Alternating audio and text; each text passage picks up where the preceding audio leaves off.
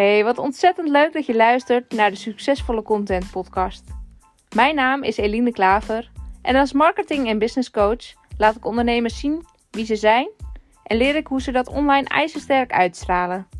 Op deze manier weet je je eigen verhaal zo krachtig over te brengen dat de klanten naar jou toe komen in plaats van dat je moet leuren. In deze podcast deel ik kennis, motivatie, verhalen en inspiratie om jou op weg te helpen. Ik geloof er namelijk in dat iedereen op zijn of haar manier klanten kan aantrekken. Vlammen met je marketing en dat vuur vervolgens overbrengen naar je klant. Ja, vandaag gaan we het hebben over storytelling. Want ik zal direct maar even met de deur in huis vallen. Wij mensen houden van verhalen. En dat is ook niet zo heel gek. Want het vertellen van verhalen is de oudste menselijke vorm van communicatie.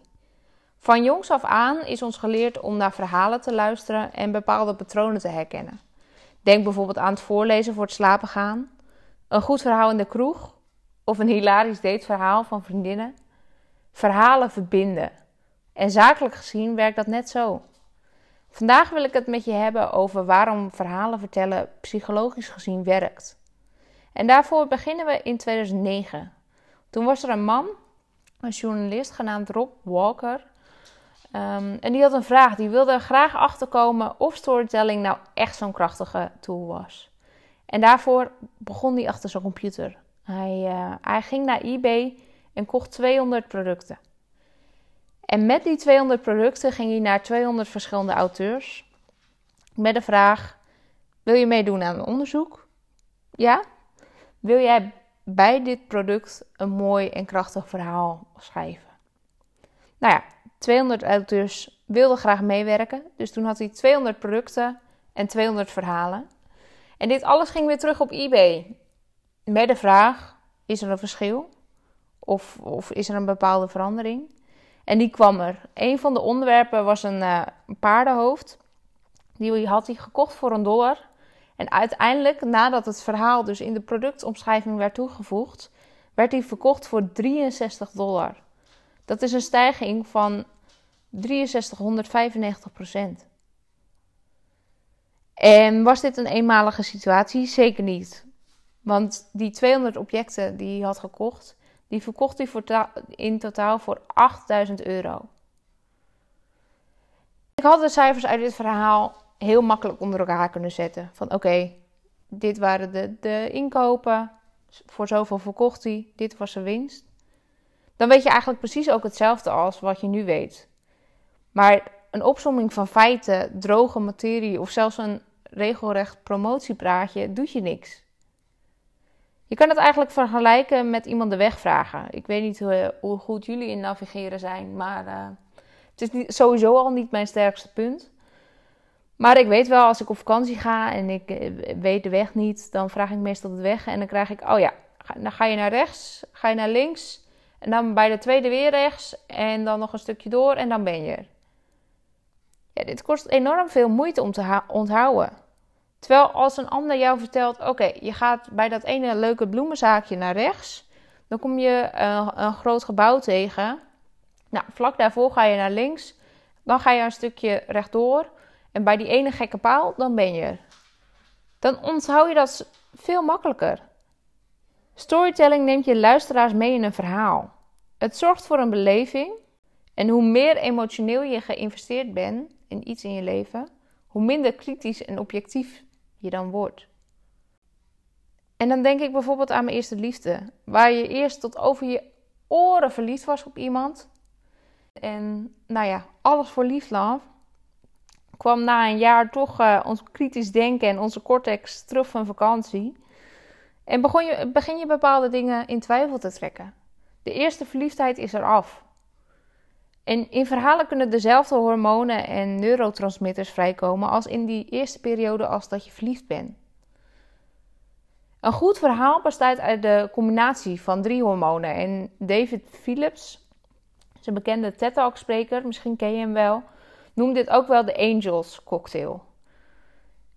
En de hormonen die in die cocktail zitten zijn dopamine, oxytocine en endorfine.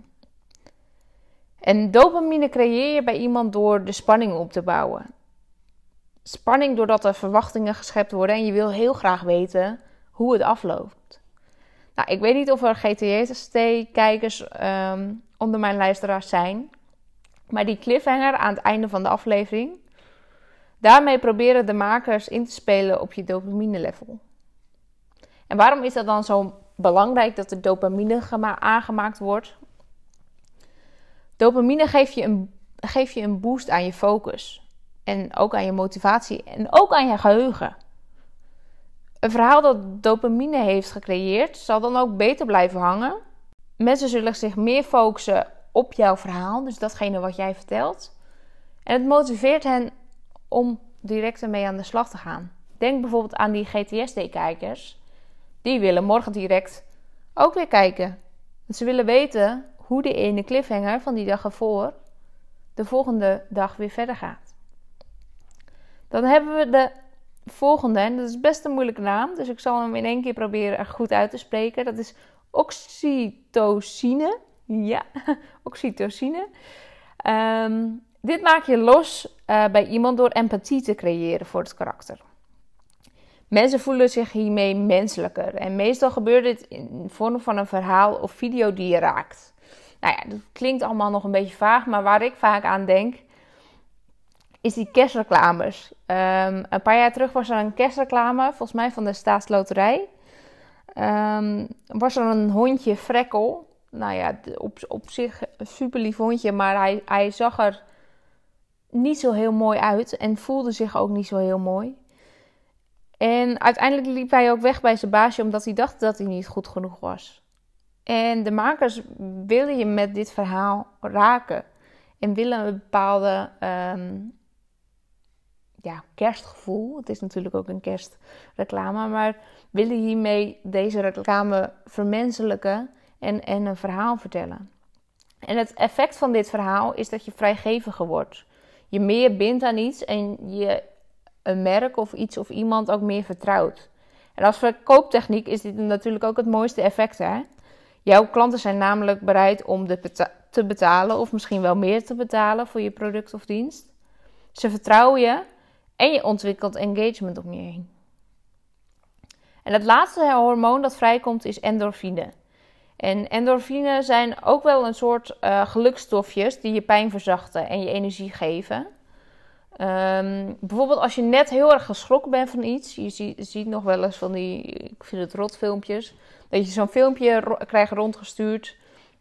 Dat je een auto op een weg ziet gaan en dan ben je super geconcentreerd. En opeens vliegt er een eng monster of een spin of wat dan ook in beeld. Waar je eigenlijk heel hard van schrikt. Um, juist net na die schrik krijg je een soort gevoel van, ah, gelukkig. Het viel eigenlijk wel mee. Nou, dat stofje, dat is endorfine. En die komt dus ook vrij en die kan je heel goed gebruiken in je, in je storytelling. En misschien zijn dit allemaal dingen waar je nooit aan hebt gedacht hè, bij het aanhoren of vertellen van een verhaal. Maar je kan het wel heel goed gaan inzetten om, om jouw klant te laten binden. Nu hoor ik je denken, ja, mooie Line, maar zo'n gaaf verhaal heb ik niet. Tenminste, niet iets wat ik kan inzetten voor marketing. En dat geloof ik dus niet. Want het maakt niet uit wie je bent, hoe je bent. Iedereen heeft zijn eigen rugzakje met ervaringen en inzichten. En misschien kan je niet tippen aan zo'n Harry Potter-achtig script. Wat begon in een trapkast en eindigde in een helder verhaal. Maar dat hoeft ook niet. Afgelopen week kreeg ik een melding van Facebook. Uh, zo'n herinnering kreeg ik van acht jaar geleden, wat ik acht jaar geleden had gepost. En dat was uh, voor mij mijn eerste artikel in de krant. Ik uh, zat toen nog op de middelbare school. En dan kregen we de mogelijkheid om, om drie, vier dagen mee te lopen bij een stagebedrijf. En ik had de stoute schoenen aan, aangetrokken en ik ben naar het Noord-Hollands Dagblad gegaan. En heb gevraagd of ik hier mee mocht lopen en dat mocht. En ik weet nog wel, de eerste dag uh, ging ik naar een flat en, en zei de journalist: Nou ja, ga maar heen. Jij wilde het zo graag doen, dus doe maar. En nou, heel kort, het ging over een kapotte lift in een flat. Wat mensen heel vervelend vonden, want mensen konden daardoor niet naar boven als ze niet de trap konden nemen. Nou, op zich, als je dit zo hoort, niet zo'n heel spannend verhaal. Maar juist door met mensen in, in gesprek te gaan en te horen waarom ze het dus zo vervelend vinden dat die lift kapot is en, en wat daarin hun pijn is en wat daarin uh, hun belemmert, maakt dat het eigenlijk een stukje wordt waar emotie in zit, waarin je denkt, oh ja, ja waarin je eigenlijk meeleeft met die mensen. En jaren later heb ik ook nog als, als journalist gewerkt en zag ik ook dat iedereen een verhaal heeft. Of dat nou een dakloze is uh, die, die in de dakloze opvang zit, tot een ondernemer die een event organiseert. Iedereen heeft zijn eigen verzameling van kennis en ervaringen. En dat maakt tot wie je bent. En dat verhaal mag je delen. Dat, dat is super van waarde. En marketing draait om verbinding maken. Verbinding tussen jou en je mogelijke klant. Zodat je ook duidelijk kunt krijgen en ook maken hoe je die mogelijke klant kunt helpen. Het draait niet om verkopen. Het draait niet om anderen helpen. Het draait om die verbinding te leggen. En vanuit daar kan de rest ontstaan.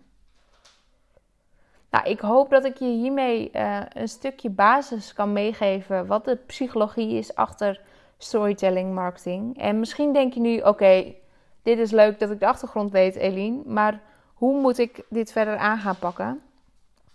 Nou, ik heb het in de andere podcast ook al genoemd, maar per maand geef ik een gratis uh, sessie weg.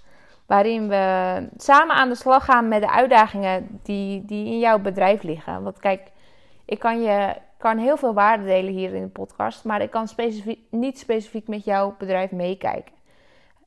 Er is geen one size fits all strategie. De strategie moet op jou als ondernemer aangepast worden. En daar denk ik graag over mee.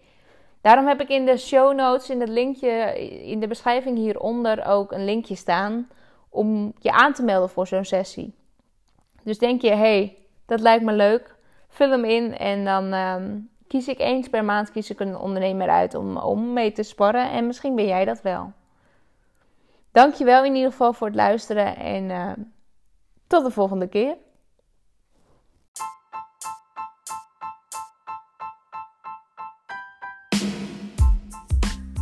Vond je deze podcast nou waardevol? Laat dan even een review achter op Spotify of Apple Podcast. Daar help je niet alleen mij, maar ook andere ondernemers mee, zodat ze de succesvolle content podcast steeds makkelijker kunnen vinden. Bedankt voor het luisteren en tot de volgende keer.